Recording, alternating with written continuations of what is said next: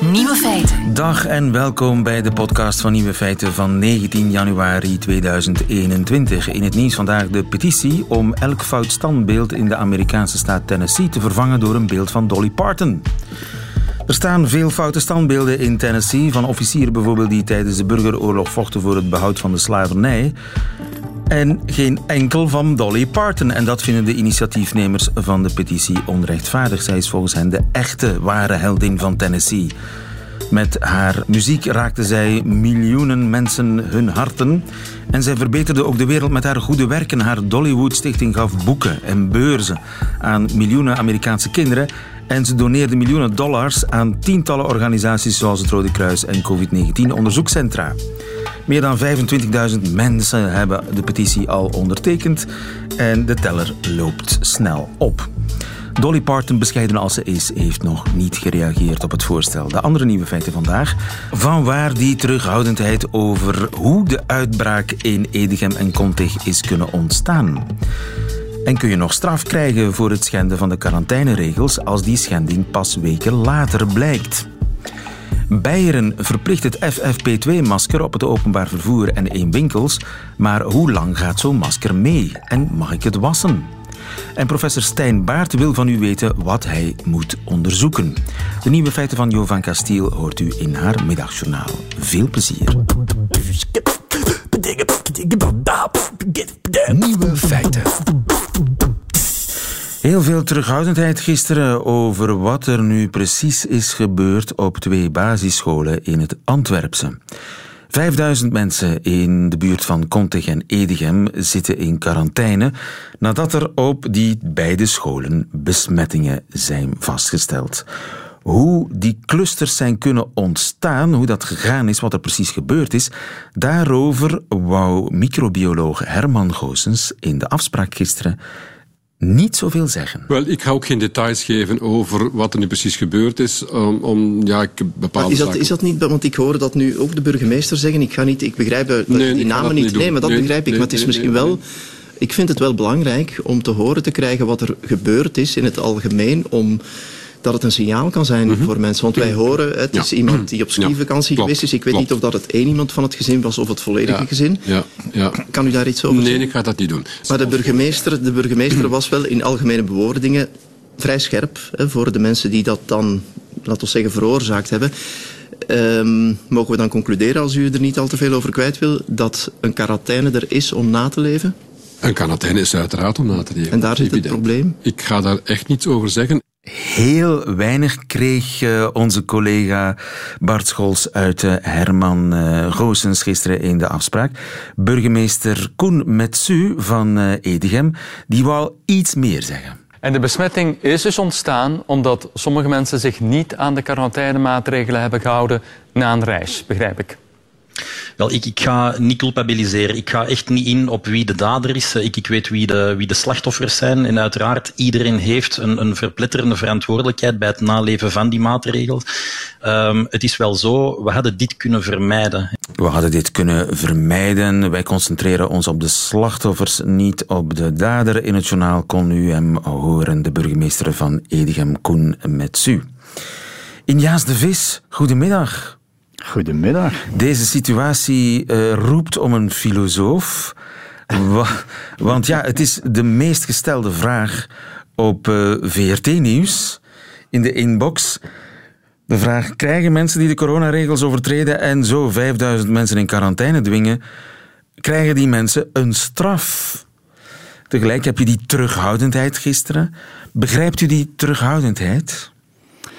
Eh, zeker, ik begrijp die, omdat je natuurlijk het gevaar loopt een beetje in een spoor terecht te komen waarbij je mensen met pek en veren door de straat duwt omdat je dan toevallig, omdat we nu echt wel te maken hebben natuurlijk met een kettingreactie of met een sneeuwbaleffect, zou je kunnen zeggen.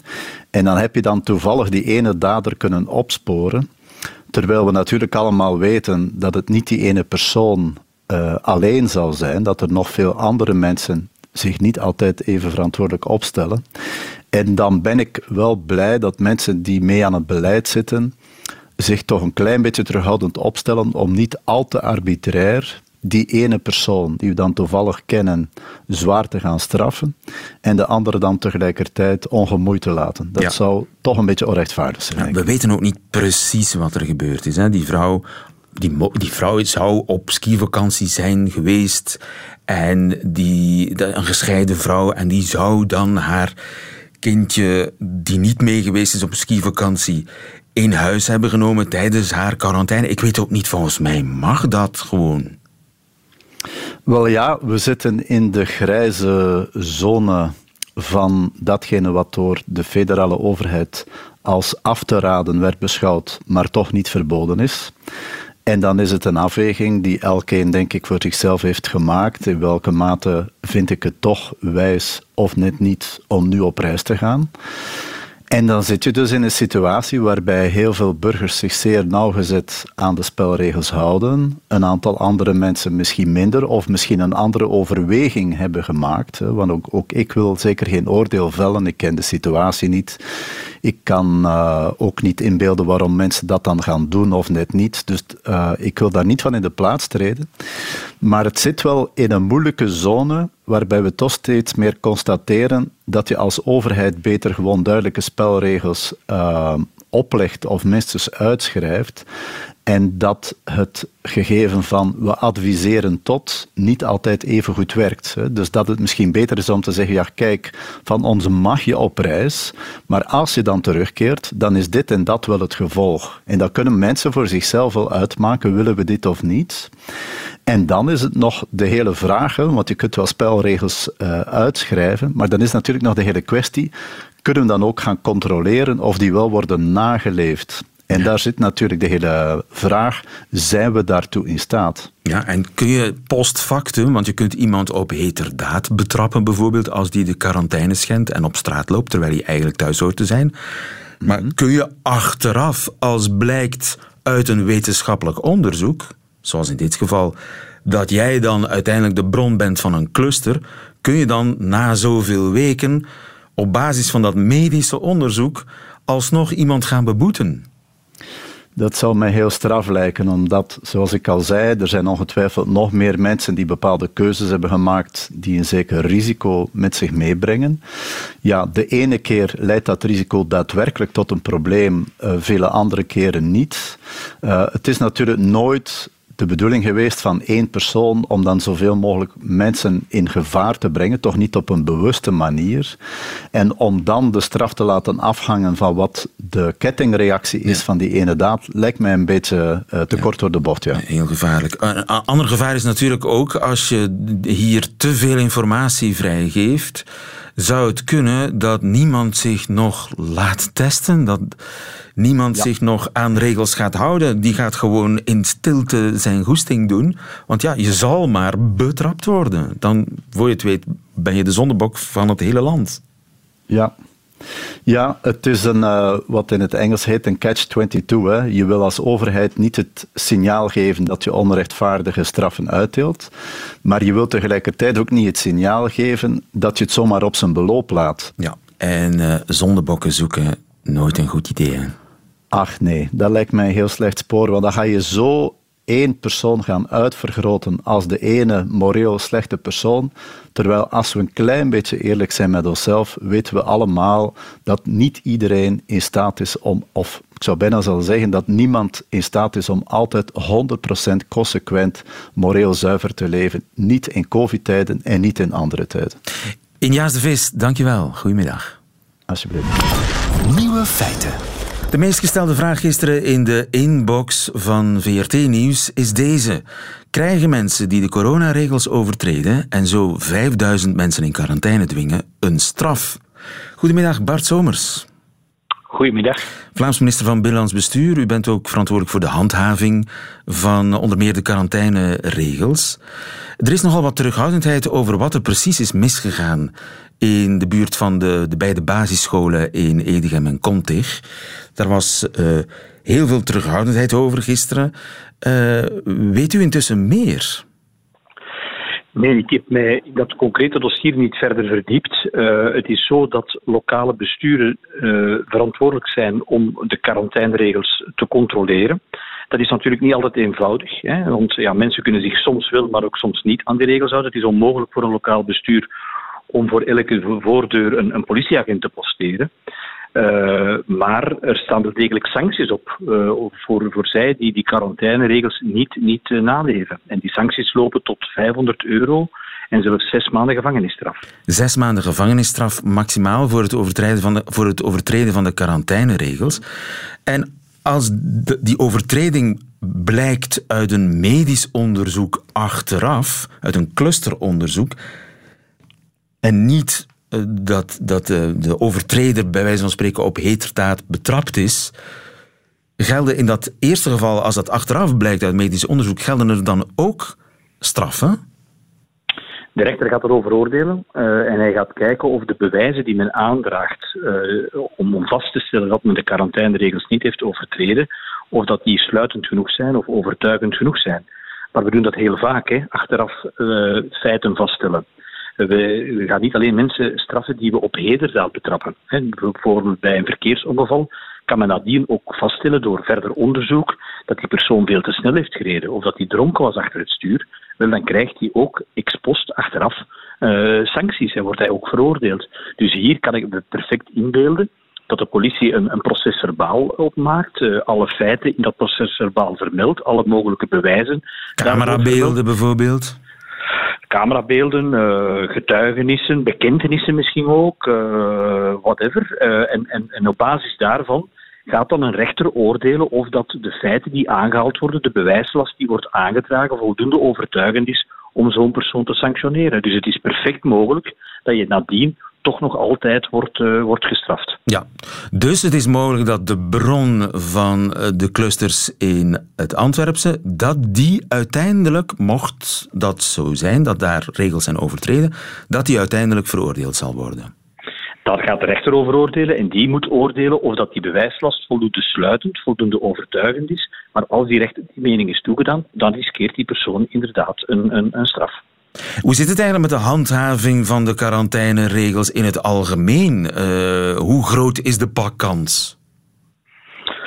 Dat is heel moeilijk in te schatten. Op dit moment zijn er 173 gemeenten van de 300 in Vlaanderen die een protocol hebben ondertekend. En dat moet je doen om toegang te krijgen tot de lijst van mensen die in uw gemeente in quarantaine of isolatie moeten. Daar komen er elke dag nogal wat bij. En heel veel gemeenten doen daar heel ernstige inspanningen voor. Maar we mogen elkaar niet wijsmaken dat zo'n systeem sluitend kan zijn. Eh, ik durf het soms wat onerbiedig vergelijken met controles op overdreven snelheid. We weten allemaal dat we ons aan 50 of 30 per uur of 70 per uur moeten houden, daar waar we rijden. Heel veel mensen doen dat, sommige mensen doen dat niet. Politie controleert daarop, probeert dat heel goed te controleren, maar het is onmogelijk om altijd en overal iedereen te controleren. We leven ook niet in een politiestaat. Dus uh, we moeten ook privacyregels respecteren. Dus politiediensten, lokale besturen doen daar grote inspanningen voor. Maar uh, garanderen dat nooit iemand de quarantaineregels overtreedt en, en, en toch gepakt wordt, dat, dat kunnen we niet. Dat is, uh, dat is gewoon onhaalbaar. Dat zie je op heel veel vlakken in onze samenleving. Men staat daar werkelijk echt geëngageerd in, in dit dossier. Men doet heel veel inspanningen. Er worden ook regelmatig daarin, denk ik, ook heel kordaat opgetreden. Dat is ook nodig, vind ik. We moeten die regels respecteren, want het gaat over de volksgezondheid niet alleen van uzelf, maar van vele andere mensen. Je brengt gewoon het leven soms ook van mensen in gevaar.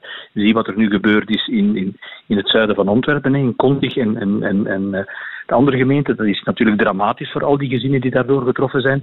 Dus ik denk dat uh, een goede handhaving heel belangrijk is, maar we mogen geen uh, verwachtingen uh, oproepen die we niet kunnen realiseren. We kunnen kordaat zijn, we kunnen daar hard en heel efficiënt proberen in te handelen, maar we kunnen niet garanderen dat, uh, dat niemand die regels gaat overtreden. Dat is spijtig genoeg niet het geval. Ja, zonder burgerzin zal het niet lukken. Dankjewel, minister Somers. Goedemiddag. Graag gedaan. Daar. Nieuwe feiten. Wilt u 25 professoren aan het werk zetten? Dat kan. Stijn Baart bijvoorbeeld staat te uw beschikking. Goedemiddag, professor. Goedemiddag. Stijn Baart, de arbeidseconoom van de Universiteit van Gent. Uh, jij daalt van je ivoren toren af, heb ik begrepen. Ja, dat klopt. Dat is inderdaad uh, de bedoeling. Het is te zeggen, ik hoop dat ik dat uh, samen met de collega's de afgelopen jaren ook al wat heb gedaan. wat deelgenomen vanuit ons onderzoek aan het maatschappelijk debat. Want dat is natuurlijk een deeltje waarom de belastingbetaler ons betaalt. Die betaalt ons loon.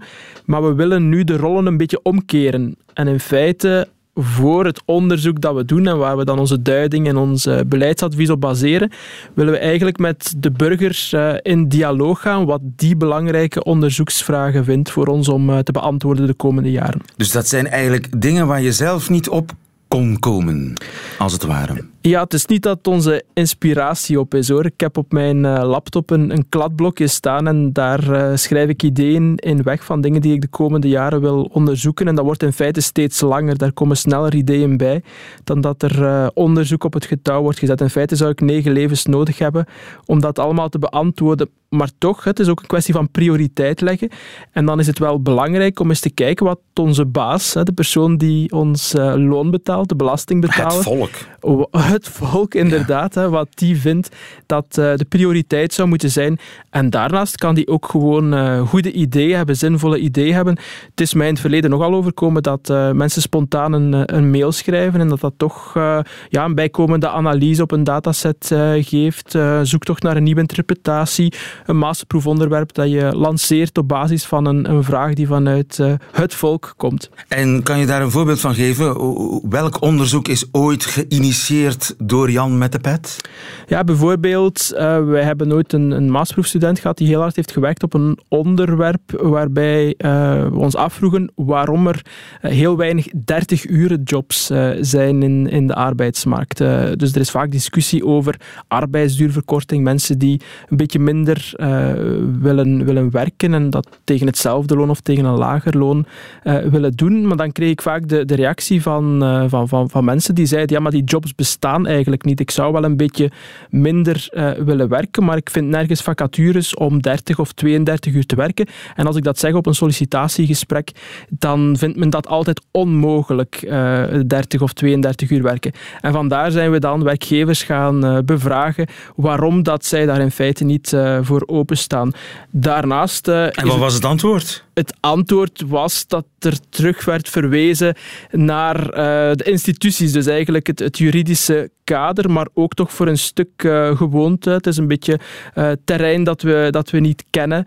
Het is, een dan ook tunnelvisie eigenlijk. Ja, we zijn daar dan ook in een, op een hoorzitting in, in het federaal parlement in, in, discussie gegaan met, met de federale parlementsleden daarover. Dus eigenlijk geïnitieerd door die, door die vraagsteller heeft dat uiteindelijk tot een discussie daar geleid.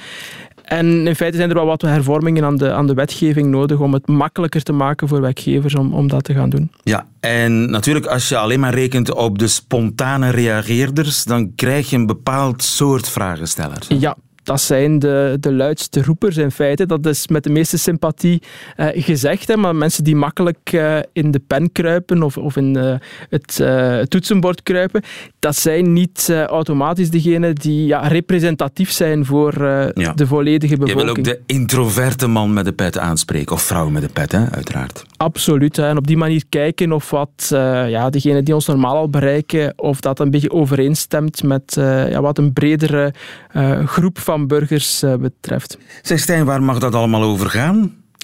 Dat mag gaan over uh, werk en arbeidsmarkt in de breedste zin van het woord. Hè. Dus de 25 collega's die betrokken zijn, ja, die vinden elkaar uh, door, door één uh, gemeenschappelijke noemer, namelijk ja, werk en arbeidsmarkt. Dat kan gaan over, over burn-out, gezondheid, pensioenen, vergrijzing, alles wat daarbij komt kijken. maar daar, dat is de manier dat we het afbakenen. Ja, en worden de vragenstellers dan ook nog betrokken bij het verdere onderzoek? Of worden die gewoon bedankt? Wel, het is zo dat, dat de Universiteit Gent heel sterk investeert in dit samenwerkingsverband en de link leggen met de burger. En wat men in feite van ons verwacht, is dat wij gaan naar zogenaamde co-creatiepanels. Dat is, dat is een moeilijk woord, maar dat wil eigenlijk zeggen dat we burgers verder ook in het onderzoeksproces gaan eh, betrekken bij de interpretatie van resultaten, maar dat zij ook een soort van ambassadeurschap zouden kunnen opnemen bij het uiteindelijk eh, vertolken van de, van de onderzoeksresultaten die mee uh, verspreiden. Dus het is echt de bedoeling om, om ook burgers in, de, in het vervolg van het onderzoek te betrekken. Daarom niet dezelfde burgers. Hè. Mensen zullen uh, daar niet gedwongen uh, voor worden, vanzelfsprekend niet. Maar een, een aantal groepjes van, van burgers gaan we ook verder betrekken. Ja. ja. Want tot nu toe praat je heel vaak met werkgevers, met vakbonden, arbeidseconomen, onderling. Dat moet breder. Dat is eigenlijk het idee. Ja, absoluut. In feite mikken we op, op vier groepen uh, die we willen bereiken. We willen beleidsmakers nog altijd bereiken, want ja, wat zij belangrijk vinden, dat gaat natuurlijk ook een makkelijke impact hebben op het, op het beleid.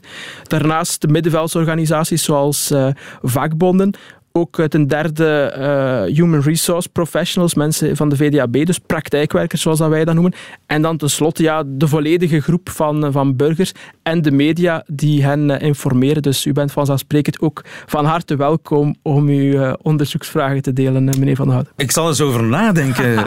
Is er een formulier? Ja, er is een formulier, uh, absoluut. En dat is te vinden via ugent.be slash jouw onderzoeksvraag. Ofwel via mijn homepagina stijnbaard.be kun je dat ook vinden. Veel succes en dankjewel Stijnbaard. Goedemiddag. Graag gedaan. Nieuwe feiten. En hoe zit het met de goede voornemens? Troost u, bij mij is het niet anders. We zouden misschien beter een voorbeeld nemen aan de vissen. Want jawel, vissen hebben, sommigen toch, wel zelfcontrole. Blijkt uit onderzoek van Frederik Verbrugge. Goedemiddag, Frederik. Goedemiddag. U bent psycholoog aan de Universiteit van Gent en je hebt onderzoek gedaan in Exeter in Engeland.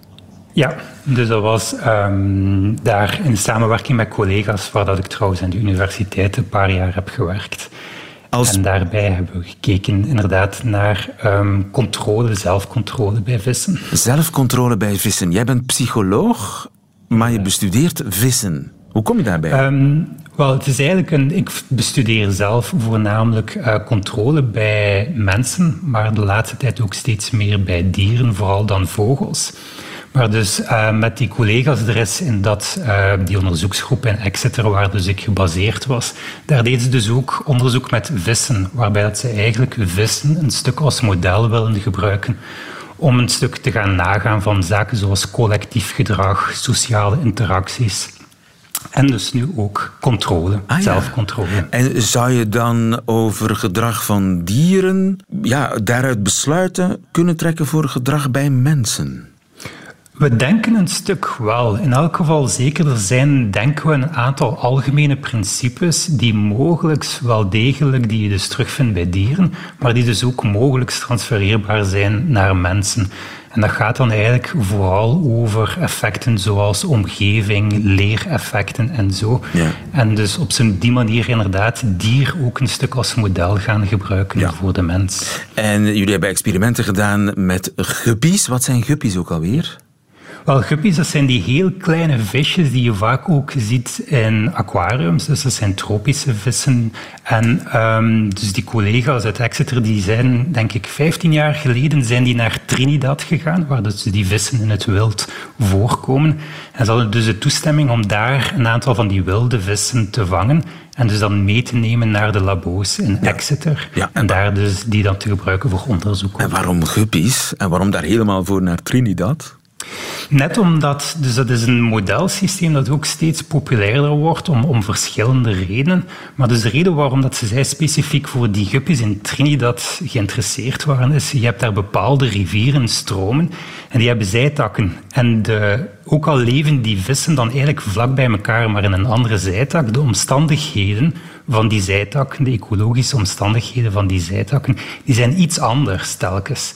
En op die manier kan je dus eigenlijk een stuk gaan nagaan hoe dat omgevingsfactoren, problemen die zich voordoen in specifieke omgevingen, hoe dat die dus een effect kunnen hebben op gedrag, verschillende oh aspecten van gedrag. Oké, okay, maar jullie experiment vond plaats in het laboratorium, in een aquarium, ja. hè? Inderdaad, in een aquarium. Met een cilinder. Inderdaad. Die cilinder is cruciaal. Oh, waarom? Die cilinder is inderdaad cruciaal. Wel, eigenlijk is dat een test die heel populair is om gedragscontrole, inhibitorische controle, wat dus verwijst naar het kunnen onderdrukken van ongepaste acties of responsen. Um, dus die cilindertask is heel populair om dat te gaan onderzoeken. En het werkt eigenlijk als volgt. Er is een initiële trainingsfase waarin dat dieren leren dat er eten te vinden is in die cilinder. Maar cruciaal, die cilinder is initieel ondoorzichtig. Dus ze leren eigenlijk dus bedekt, ja. Dus ze leren die omgeving verkennen en dan leren ze dat ze eigenlijk van opzij in die cilinder moeten gaan om dat eten terug te vinden. Ja, en dan? En dus na een bepaald aantal keren proberen, kunnen al die vissen dat doen. Dus al die vissen weten, ah, om eten te vinden moet ik langs opzij gaan. En dan kom je in een cruciale fase, waarin, dat, dat is de testfase, waarin dat die vis opnieuw in het aquarium met die cilinder wordt geplaatst. Alleen is die cilinder nu doorzichtig.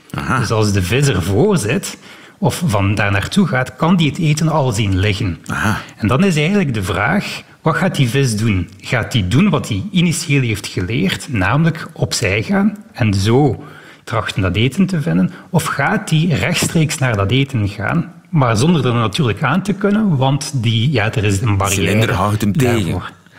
Dat zijn dan de vissen zonder zelfbeheersing. En wat is het resultaat? Wel, het resultaat was eigenlijk dat we dus um, heel grote verschillen vonden tussen vissen. Aha. Dus je had vissen die er in tien keer, tien pogingen nooit in geslaagd zijn om die reactie te onderdrukken, om rechtstreeks voor, die, um, voor dat eten te gaan. Dus die bleven maar op die cilinder botsen. Dat waren vissen zonder ander, impulscontrole. Zonder controle, ja. En dan had je andere vissen die eigenlijk op meer dan de helft van de trials dat wel degelijk goed konden doen. Dus het dus verschilt van de individu tot individu. Inderdaad. Dus we wisten al dat er heel grote verschillen zijn tussen soorten, verschillende diersoorten. Dus de ene diersoort is al beter in die taak dan aan andere diersoorten. Maar nu zien we dus ook dat binnen soorten daar ook gigantische individuele verschillen in zijn. Net zoals bij mensen trouwens. Er zijn gelijkaardige taken die we doen in ons labo dan ook met mensen. En ook daar zie je heel grote verschillen tussen individuen. En dan rijst natuurlijk de cruciale vraag: ligt dat aan de omgevingsfactoren of ligt dat aan ja, het DNA, bij wijze van spreken? Het is een combinatie van de twee. Dus we dat, weten, weet, dat weet je. Wel, we weten al over soorten heen dat er dus ongeveer, denken we voor die specifieke taken en situaties, dat ongeveer 50% min of meer eh, van individuele verschillen zijn te wijten aan genetische factoren. Dat is over verschillende studies heen komen we meestal ongeveer op dat percentage uit. Maar dat betekent dus dat we nog een groot stuk, dus dat die genetische factoren zeker niet alles kunnen gaan verklaren. En welke omstandigheden zouden groepjes ertoe kunnen brengen om geen zelfcontrole te hebben? Wel, een van de factoren die daar bijvoorbeeld een rol in kan spelen, is de omgeving. En dan voornamelijk denken we aan de stabiliteit van de omgeving. Namelijk in heel stabiele omgevingen is het meestal voordeliger om toch iets meer impulscontrole te hebben, iets meer te wachten, iets voorzichtiger te zijn, want het is vrij voorspelbaar wat er zich zal voordoen. Terwijl als je in meer onstabiele omgevingen zit, waar dat het niet altijd duidelijk is wanneer dat er voedsel bijvoorbeeld beschikbaar zal zijn, kan het voordeliger zijn om toch af en toe impulsiever te reageren. Ja, ja. Dus dat is een van de hypotheses. Een van de hypotheses. En dat zou eventueel zelfs op mensen kunnen toepasbaar zijn. Dat mensen uit, vanuit een soort ja, angstige, onstabiele situatie een gebrek aan zelfcontrole ontwikkelen. Inderdaad, dus zeker als het op impulsiviteit gaat, wordt steeds vaker die link gelegd toch ook naar um, de stabiliteit van omgevingen. En mogelijk kan dit zelfs dan een gedeeltelijke verklaring geven waarom dat bijvoorbeeld bepaalde correlaties die je ziet tussen sociaal-economische status en impulscontrole en andere aspecten van controlerend gedrag, waarom dat die correlaties daar zijn, omdat het soms in onstabiele omgevingen beter is om toch sneller impulsiever te zijn. Ja, we lijken op vissen. Inderdaad. Frederik Verbruggen, dankjewel. Goedemiddag. Oké, Ja, dag. Dat waren de nieuwe feiten van 19 januari 2021. Alleen nog die van Jovan Castiel heeft u te goed. U krijgt ze in haar middagjournaal. Nieuwe feiten. Middagjournaal. Goedemiddag. In het nieuws hoorde ik dat Elon Musk nu de rijkste persoon ter wereld is. Blijkbaar is hij 209 miljard dollar waard. 209 miljard dollar. Ik kan me zoveel geld niet voorstellen. Het dikste dat mijn hoofd kan komen bij hoe het zou zijn om zoveel geld te hebben, is te denken dat Elon Musk zoveel dingen online kan bestellen als hij wilt, zonder dat iemand ooit tegen hem zegt: Elon, alweer een pakje van Zalando? Dacht je echt dat ik dat niet zou merken? Zijn we nu gemaakt van geld of wat? Elon Musk zal dat nooit horen. Dat klinkt als een droom. Maar ja, nu iedereen weet hoe rijk hij is, zal zijn sociale leven voor altijd anders zijn. Het is goed voor Elon Musk dat de cafés nu gesloten zijn, want als hij op café zou gaan, zou iedereen verwachten dat hij trakteert.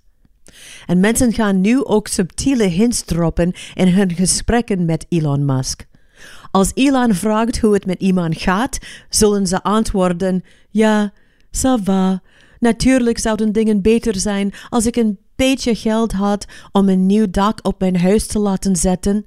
En ook zou een vakantie in de Bahamas tof zijn als het niet zo duur was, maar ja, ça va, ça va. Andere mensen zullen wat slimmer proberen te zijn door op internet een crowdfunding te starten om geld voor hun nieuwe koersfiets te vinden en subtiel tegen Elon Musk te zeggen: Hey, kan je dit even delen op jouw sociale media? Misschien ziet Elon Musk ooit de film Coming to America, waarin Eddie Murphy een prins speelt die doet alsof hij arm is om een vrouw te kunnen ontmoeten die echt van hem houdt. En dus zou Elon ook stiekem als afwasser in een restaurant gaan werken, zodat alle mensen die hem ontmoeten gewoon van hem en niet van zijn geld zouden houden. In Coming to America kon dat, want Eddie Murphy was een prins uit Afrika die niemand in Amerika herkende. Jammer genoeg, omdat Elon Musk zo herkenbaar is, zou iedereen weten wie de afwas in dit kleine restaurant aan het doen was. Heb je gezien wie hier de afwas doet? Elon Musk. Elon Musk, de rijkste man ter wereld en hij werkt hier als afwasser. Ja, mij. Als ik had geweten hoe goed ze hier betaalden, was ik hier komen solliciteren. Tot morgen.